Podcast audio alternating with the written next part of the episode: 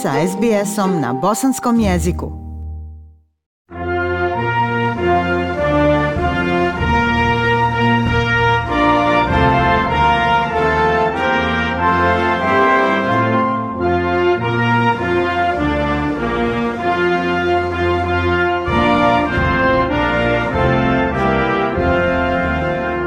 Slušate program SBS radija na bosanskom jeziku.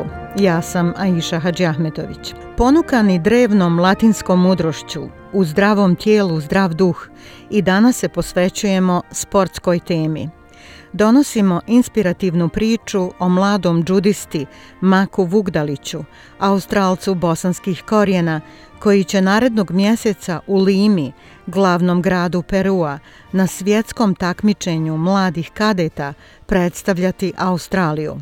Otkuda ljubav prema ovoj borilačkoj vještini, koje su unutrašnje vrijednosti džudoa, ko ili šta mu daje najveću motivaciju i podršku – Šta najviše voli da radi u slobodno vrijeme, saznajemo u razgovoru s našim, mogu slobodno reći, do sada najmlađim gostom kojeg smo imali priliku da čujemo.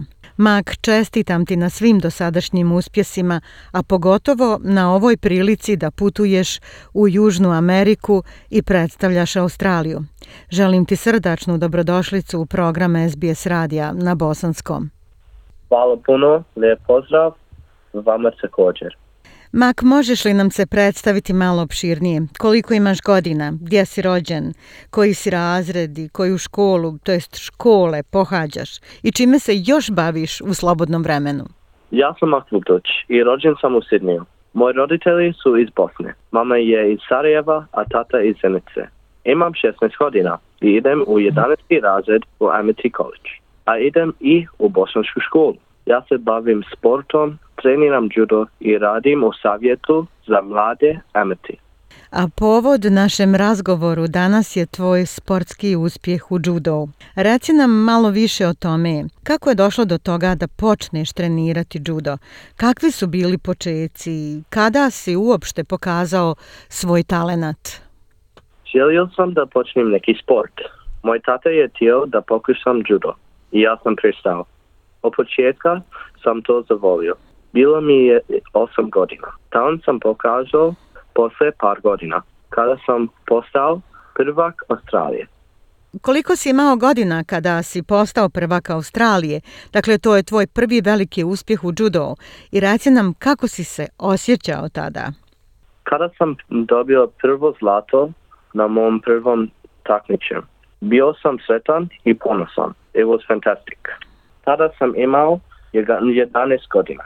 Za običnog lajka judo je borilačka vještina koja zahtjeva izuzetnu fizičku kondiciju, spretnost, vještinu, snagu tijela da izdrži velike napore. Ipak, kao svaka istočnjačka sportska disciplina, judo je i više od toga. Možeš li nam reći koje su skrivene vrijednosti sporta kojim se baviš i koje si vještine ili osobine dodatno stekao trenirajući judo? Zove se gentle way ili nježni način jer koristite snagu protivnika protiv njega. Judo je dobar za tijelo i za duh. Ja sam kroz judo naučio šta je disciplina i poštovanje. Ko ili šta je tvoja najveća motivacija u bavljenju ovim sportom, Mak?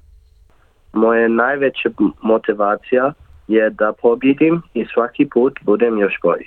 Osam godina predanosti u sportu samo po sebi je hvale vrijedno, a u tvom slučaju mak godine napornih treninga, takmičenja, putovanja, odricanja i žrtvovanja donijele su do sada najveće priznanje da predstavljaš svoju zemlju. Judo Federacija Australije odlučila da predstavljaš Australiju na šampionatu za kadete u Peru, koje će se održati početkom aprila ove godine. Šta za tebe znači biti u reprezentaciji Australije? Puno mi znači i velika mi je čas. To je za mene novo uskušo. I to je moj san. Moramo napomenuti da svako ozbiljnije bavljenje sportom pretpostavlja značajna materijalna ulaganja.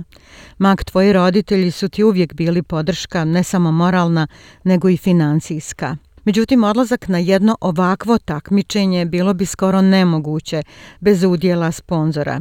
U tvom slučaju, gospodin Sanel Begić, inače poznati humanitarac i direktor jedne uspješne građevinske kompanije u Sidneju, je tvoj glavni pokrovitelj. Mak, da li si imao priliku da upoznaš gospodina Begića i kako si ti doživio tu njegovu velikodušnu gestu? Osjećam da je to veom, veoma velikodušno i ja se zahvalim njemu jer bez njega bilo puno teže. Upoznao sam ga, ali bi volio da ga upoznam još bolje.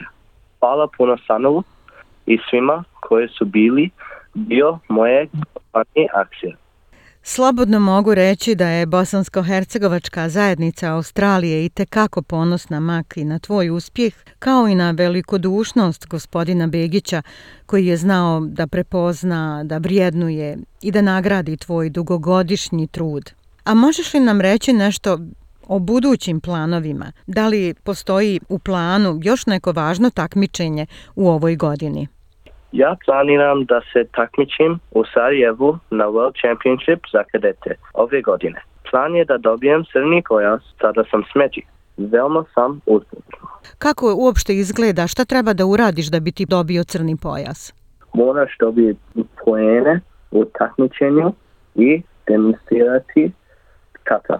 Dakle, to je to što bi ti trebao da učiniš da bi dobio crni pojas.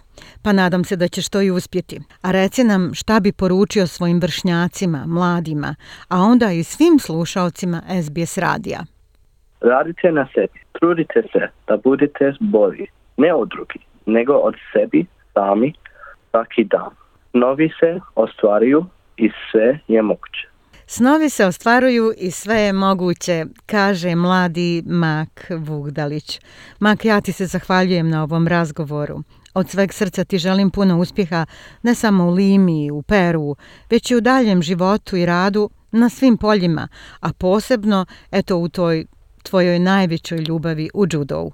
Neka bude pobjeda i lovorika, a ti ostani uvijek takav, jer si najbolji. Hvala puno i svako dobro. SBS na bosanskom. Podijelite naše priče preko Facebooka. Želite poslušati još ovakvih priča? Slušajte preko Apple podcasta, Google podcasta, Spotify ili kako god da primate svoje podcastove.